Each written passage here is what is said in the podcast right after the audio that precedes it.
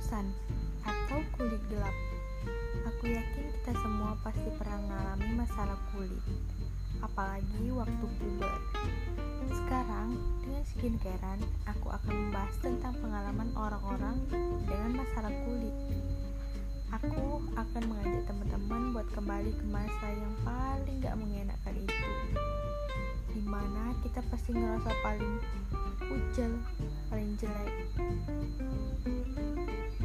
Teman-teman yang masih berada di masa ini, jangan berkecil hati ya. Semua